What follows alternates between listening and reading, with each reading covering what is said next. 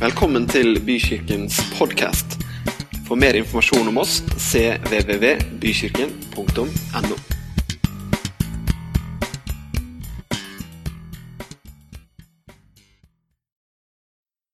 Jeg har um, satt meg en liten arbeidstittel for det jeg skulle snakke om i dag. Hvor går vi, og hva har vi? Det å vandre med Gud, det er ganske kontrastfylt. Det var nettopp det som Tove var inne på. Og bare i, til morgenen i dag så satt jeg og leste gjennom noen ulike tekster i denne boka her. Hvor kontrastene også ble veldig tydelige.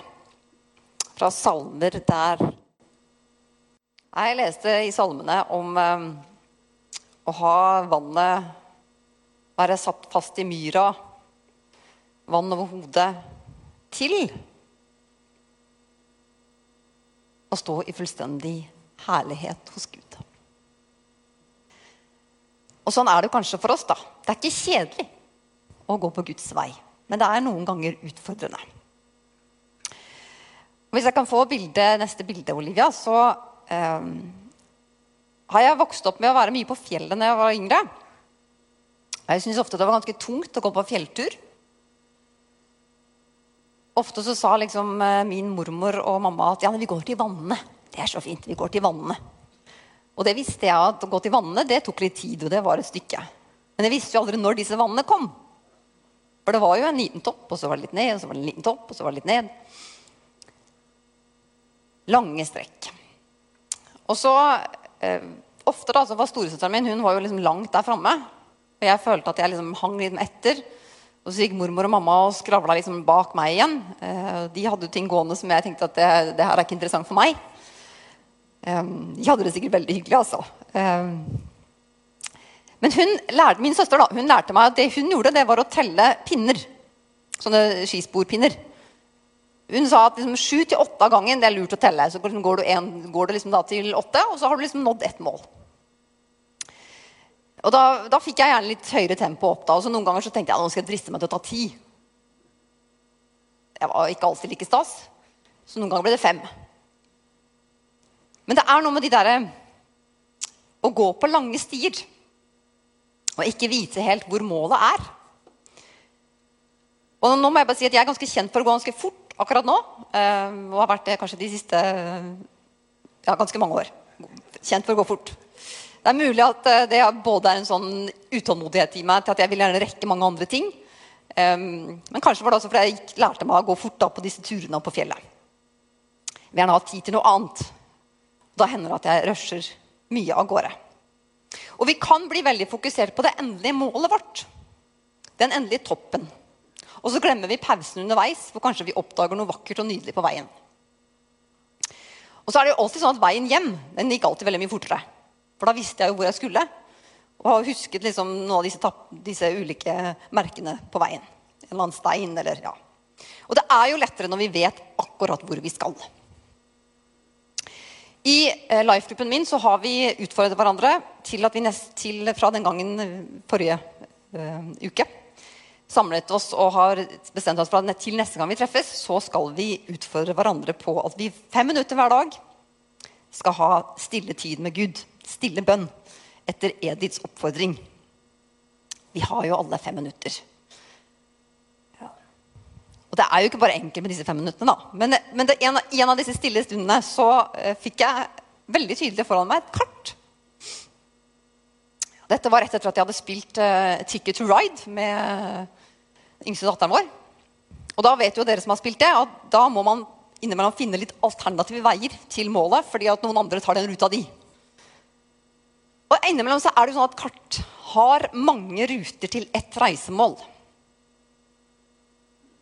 Noen ganger så ber kanskje Gud oss om å ta den vanskelige veien. Fordi han har et oppdrag til oss på den vanskelige veien. Og det er utfordrende når ikke vi vet helt hvordan veien kommer til å se ut rundt neste sving. Vi kan ha en annen formening om det, men vi kan ikke vite 100% sikkert. Og så er det jo også sånn at vi kanskje tar noen avstikkere selv. Fordi vi tenkte at vi skal jo dit. Så da er det jo kjappere hvis jeg bare går her. Men så må vi tilbake til den vanskelige stien likevel. Og så har jeg lyst til å si at Noen ganger så føler vi ikke engang at vi er på noen sti. eller på noen vei. Vi er kanskje i fritt fall.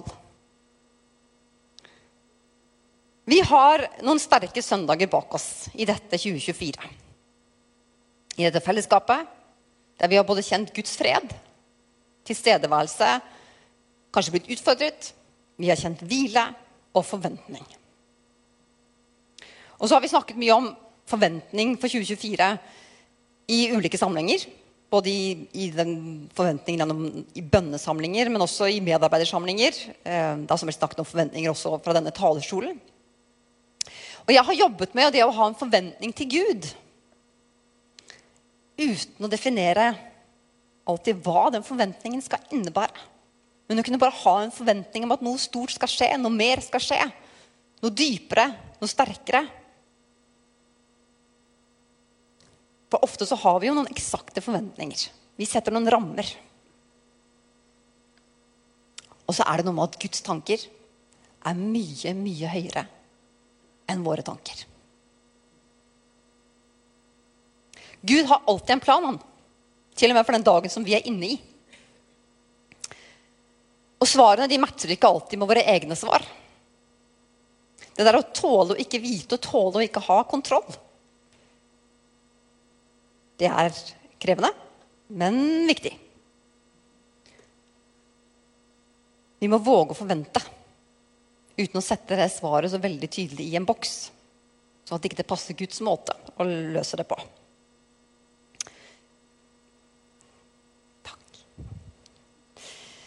En del av det å forvente, det er også å vente. Det å vente på Herren det er et begrep som går igjen i Bibelen. Det er mange som blir bedt om å vente, og som underveis finner sine egne løsninger. Og så kommer Guds svar litt senere, som viser at kanskje den egne løsningen ikke var så lur. Og Det er jo en utfordring til hver og en av oss. Frimodighet det er også å jakte på svar der vi ikke tror de kommer. Og se at noen svar kanskje ikke svarer fullt ut akkurat det vi hadde tenkt og trodde, men likevel. I Jesaja 40 så er det et bibelvers som er ganske sterkt. Hvorfor sier du, Israel, min vei er skjult for Herren? Min Gud bryr seg ikke om min rett. Vet du ikke? Har du ikke hørt? Herren er den evige Gud som skapte endringer. Nei, skapte jordens ender. Han blir ikke trett og ikke sliten. Ingen kan utforske hans forstand. Han gir den trette kraft, og den som ikke krefter har, gir han stor styrke. Gutter blir trette og slitne. Unge menn snubler og faller. Men de som venter på Herren, får ny kraft. De løfter vingene som ørnen. De løper og blir ikke slitne. De går og blir ikke trette. Det der å vente det er jo en tålmodighetsprøve. og noen kanskje kan, kan vel kanskje også si at det å vente på Herren kan være en del av en livsstil med tålmodighet. Det er krevende for hver av oss. det skal jeg bare si. Um, og jeg tipper at det er flere enn meg som har hatt en forventning og kanskje også blitt litt skuffa. Men det der å jakte på Guds tilstedeværelse i ventetid Det tror jeg gjør både dagen bedre. Vi kjenner oss mer velsigna, og vi blir også mer fredfulle. Ventetid er rett og slett en del av greia.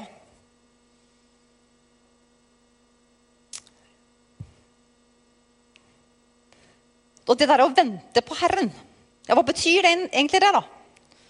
Det er å våge å stole på Gud under enhver omstendighet. Og med alle mennesker, selv når vi kjenner at ting ikke går den veien som vi hadde tenkt. Å vente på Herren er også å erkjenne at ikke vi ikke har kontroll over situasjonen. At vi setter den liten til Gud på at han har kontroll. Og ikke minst å vente på Gud gir åndelig styrke. Ventetid er kanskje også noe med å bare akseptere at la det som kommer, komme. Jeg vet at du er med meg, Gud, i alle ting.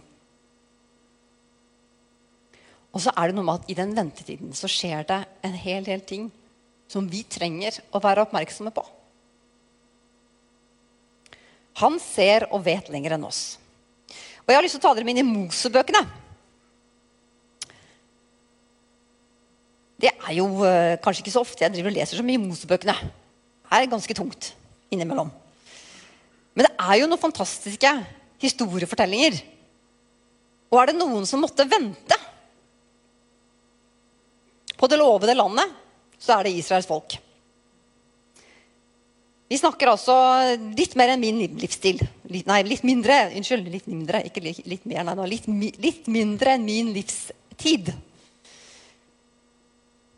Jeg er i begynnelsen av 40-åra, så er det statuert. Men jeg har liksom tenkt på Hvis jeg fra jeg liksom var to år til nå, da, hadde bare vandra Vært liksom på, på vent så er jo det en lang tid. Og det var en lang vandring for israelsfolket. Der de opplevde motgang, frykt, trusler, konflikter, sinne, anger på det hele tatt at de hadde dratt ut av Egypt. Men også seier, glede, beskyttelse, overnaturlige hendelser, overraskelser jeg tipper at de forventningene det folket hadde når de dro, ikke var sånn realitetene ble. Både på det positive og negative. Jeg tipper at de ikke hadde tenkt at de kom til å være ute der i 40 år. Og Det der å være til stede i opplevelsen av ventetid det tror jeg er helt avgjørende for oss mennesker. Og så er det jo noen hendelser da, som jeg har bare valgt å trekke ut her. Um, det første er fra kapittel 13. Med denne skysøylen. Herren gikk foran dem om dagen i en skysøyle for å vise dem veien. Om natten i en ildsøyle for å lyse for dem, slik at de kunne gå videre både dag og natt. Skysøylen vek ikke fra folket om dagen og ildsølen ikke om natten. Jeg bare ser for meg denne tilstedeværelsen den synligheten av at Gud er her. Han går foran oss.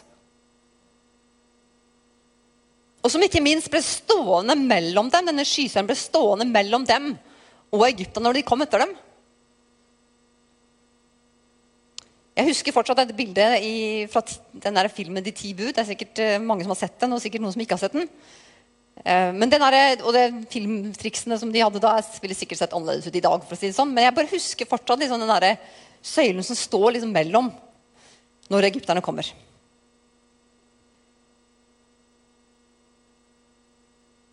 Og så står det jo videre Var det ikke det vi sa til deg i Egypt? La oss få være i fred. Vi vil arbeide for egypterne. Det er bedre for oss å arbeide for dem enn å dø her ute i ørkenen.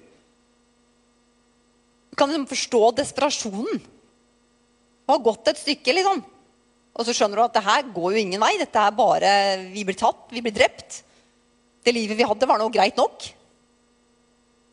Og Så sier Moses, 'Vær ikke redde. Stå fast, så skal dere få se at Herren frelser dere i dag.' For slik som dere ser egypterne i dag, skal dere aldri se dem mer. Herren skal stride for dere, og dere skal være stille.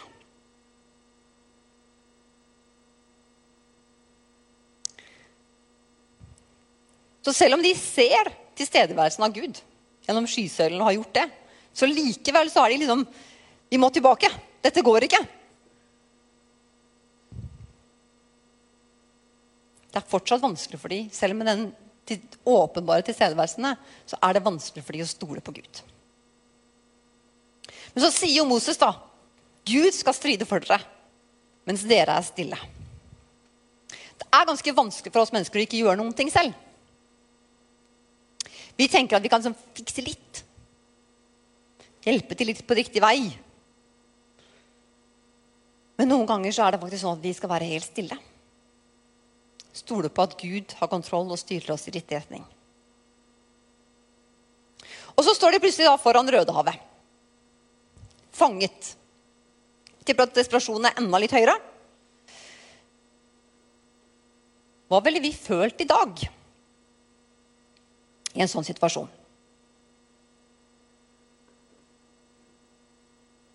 Herren drev bort med en sterk østavind som blåste hele natten, så havet ble tørt i land. Vannet ble kløyvd, og israelittene gikk tørrskodd tvers gjennom havet. Vannet sto som en mur til høyre og venstre for dem. Jeg vet ikke hva ditt Rødehav kan være, men det er mulig at du har et Rødehav i livet som Gud trenger å splitte. Og hva var det Israelsfolket lærte av disse 40 årene i ørkenen? Hva er det vi kan lære å se gjennom disse tekstene? Det er at Gud er trofast. Gud svikter ikke. Han har kontroll. Og det som ser helt mørkt ut, det kan endres veldig raskt. Det vi ser og retter blikket mot, det møter Gud med helt andre svar enn det vi forventer. Jeg tipper at eh, de ikke så helt for seg at planen hans var å dele havet. Israelsfolket så håpløshet og ble motløse. De så fiendene sine drive dem inn i et hjørne og ble redde. Og da er det vanskelig å løfte blikket mot løftene. I hvert fall i starten. Så selv om de da hadde opplevd disse bra tingene med at Rødal ble splitta, sånn, så vet vi jo gjennom historien at de tar jo også noen dårlige valg etterpå. Så det er vanskelig, og selv om man har opplevd liksom fantastiske ting, så er det fortsatt vanskelig å holde fast på at Gud har kontroll, og stole på at han styrer.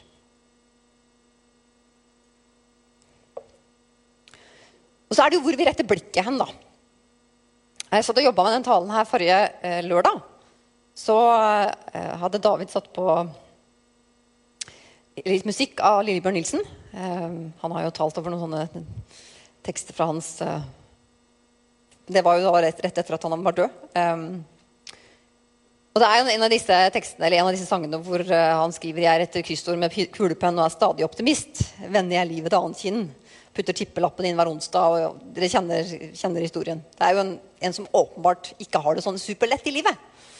Men som allikevel liksom Jeg er optimist, så her er det bare å fortsette videre. Og det er jo noe med hvordan vi ser på ting. Hvor vi retter blikket vårt. Og hvordan vi tar de utfordringene som måtte møte oss. Og jeg er veldig glad i dette verset. Um, Se, jeg gjør noe nytt. Det dukker stadig opp i ulike sammenhenger for meg. Når jeg kjenner at jeg liksom Hvor vil du nå, Gud? Hva, hva skjer? Hva, hvor er svarene? Og dette jeg ser, jeg gjør noe nytt. Nå spirer det fram. Merker dere det ikke? Ja, jeg legger vei i ørkenen. Elver i ødemarken. Ville dyr skal ære meg, sjakaler og strutser. For jeg gir vann i ørkenen og elver i ødemarken, som mitt utvalgte folk kan få drikke. Og som kanskje er liksom i en kontrast Eller ikke kontrast. Eh, nei, den som er i Kristus, er en ny skapning. Det gamle er borte. Se, det nye er blitt til. Gud gjør noe nytt i omgivelsene våre. Men han gjør også noe nytt i oss. Han gjør noe nytt i oss med følelsene våre, i situasjonen vi står i, med tankene våre, med innstillingen vår, og kanskje også med tiden vår.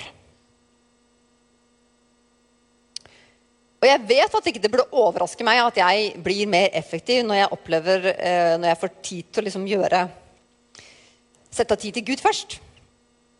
Men jeg blir stadig overraska over det. At ting går fortere.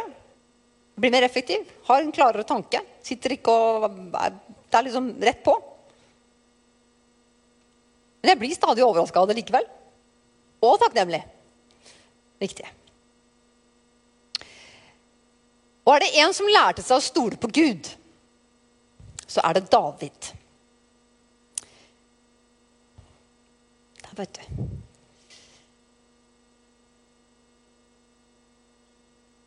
Og La oss lese fra 1. Samuels bok 17.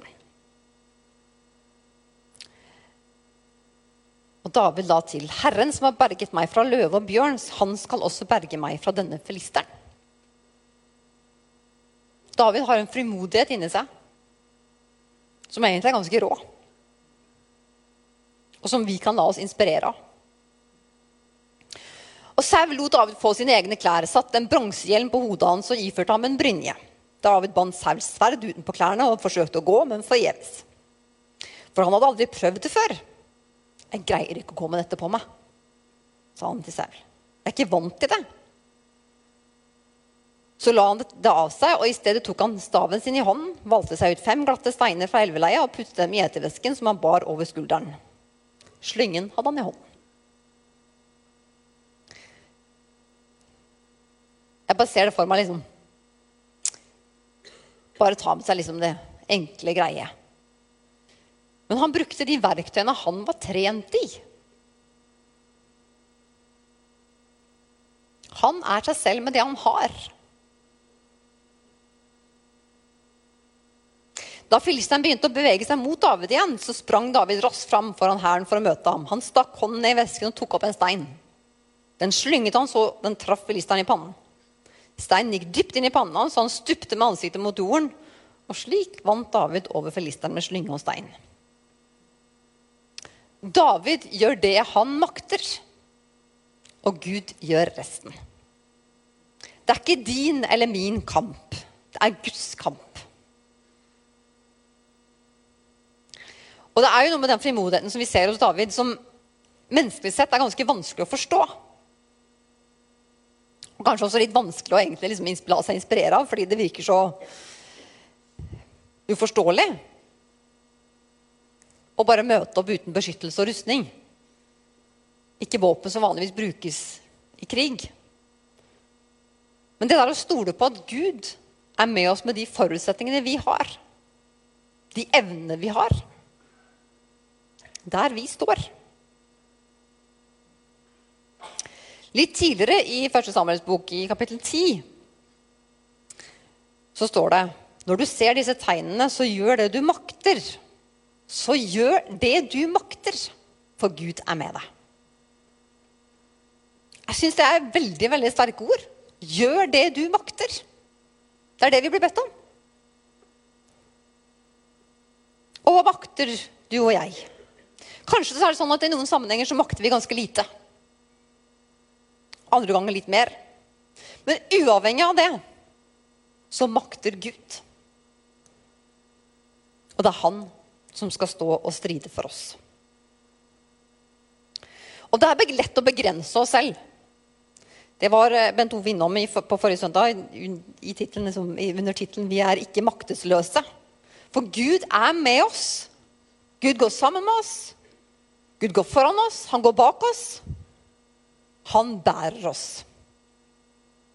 Gjør det du makter, for Gud er med deg. Det er et fantastisk ord.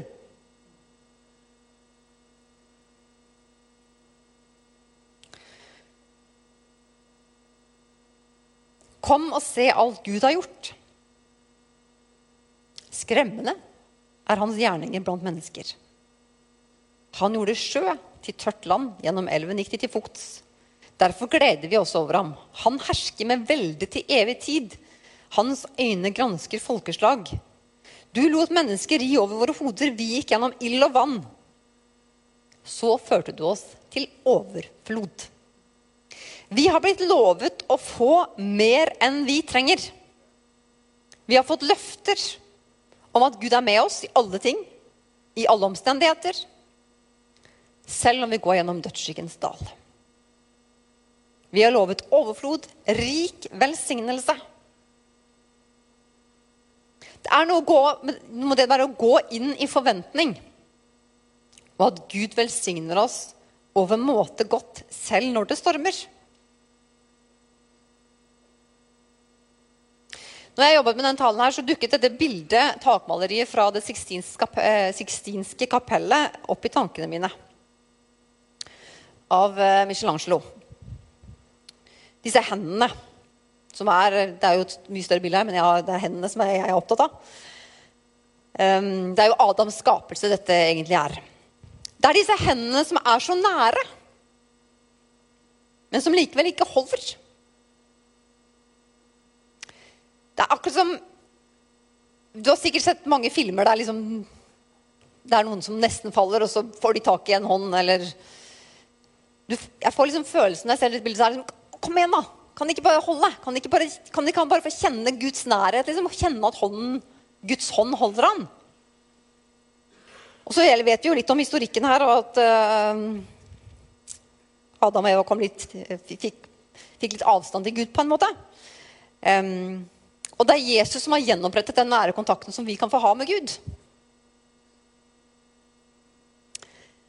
Men jeg tenker at det her Det der håndfaste, håndgrepet Guds hånd holder oss gjennom alt. Det er et viktig bilde for meg.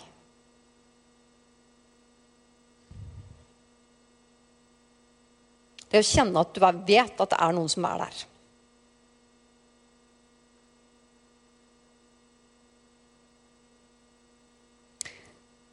Hvor går vi, og hva har vi? startet jeg med. I menneskers øyne så ser vi gjerne begrensninger. Vi kan tenke på at vi har en egen kraft, egen evne, egen forståelse, egne tanker, egen innsikt. Og det begrenser i utgangspunktet det vi tror er mulig å få til. Og det er aldri et nederlag å føle seg tom. Det gir heller en mulighet til å bli fylt opp fra bånn med det som er viktig. Eller med det helt rette, eller med Guds, Guds kraft fra bunnen av.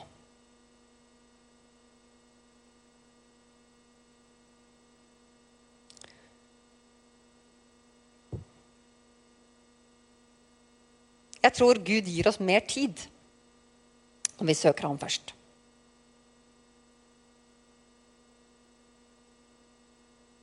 Gud ser alt vi trenger. Og Gud forstår alt som stenger for vår kontakt med Gud.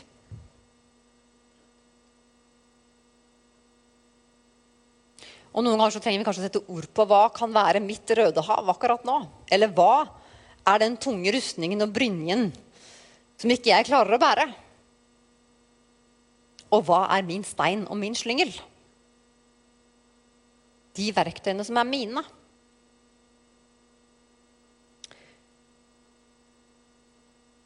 Det er innimellom sånn at vi ikke alltid føler at de verktøyene som Gud har lagt ned i oss, er så synlige for oss bestandig. Selv om vi egentlig vet det, så trenger vi å bli minna på det. Men Gud vet hva han har skapt i deg. Og kanskje må vi også noen ganger bare våge å be Gud om å vise oss akkurat det. Hva er det du vil bruke meg akkurat nå, Gud?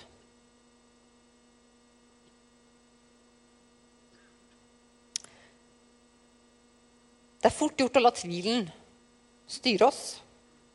Tenke at ah, det er ikke så bra, de verktøyene. da. Kan ikke bruke dem. De egenskapene der er ikke så gode. Det er mange andre som er mye bedre enn meg. Men Gud har skapt hver og en av oss unike. Og langs den reisen vi går, så er det mange ting som skjer på veien. Og vi må våge å tenke stort om det som skjer rundt oss. Vi må våge også å være oppmerksomme på de fine tingene som skjer, selv i de mest tøffeste og vanskeligste tidene vi står i. Fordi det er en del av reisen vår. Og uansett så er det sånn at vi alltid kan gjøre det vi makter, og at Gud gjør resten. Han leder oss og bringer oss inn i den herligheten som han har for oss.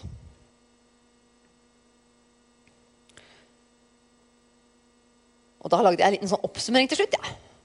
Syns alltid det er fint å liksom vite hva var det jeg egentlig prøvde å si her i dag. Hvis ikke dere har fått det med dere, skal dere få det en gang til. I kortversjon. Vi kan gå frimodig i tro. Vi kan rette blikket mot Gud når vi syns veien er kronglete og vanskelig. Og han viser oss den veien. Og så må vi våge å være den vi er, med det vi har, med det Gud har lagt ned i oss. Og så må vi våge å tåle å vente når vi ikke har krefter til å gå. Gjør det du makter. Gud bruker det du har. De evnene du har, og den kapasiteten du har. Og resten stiller han rett og slett opp med. Takk, Gud, for at du er her midt iblant oss, Jesus. Takk for din rike velsignelse over hver og en av oss, Herre.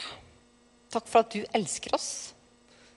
Takk for at du har planlagt alt i våre liv. Takk for at vi kan få lov til å stole på deg. Takk for at vi kan få lov til å legge alt hos deg. Og takk for at du gjør alt det vi ikke får til. Men at vi kan få lov å komme med det vi makter å bidra med, Herre. Takk, Jesus. Amen.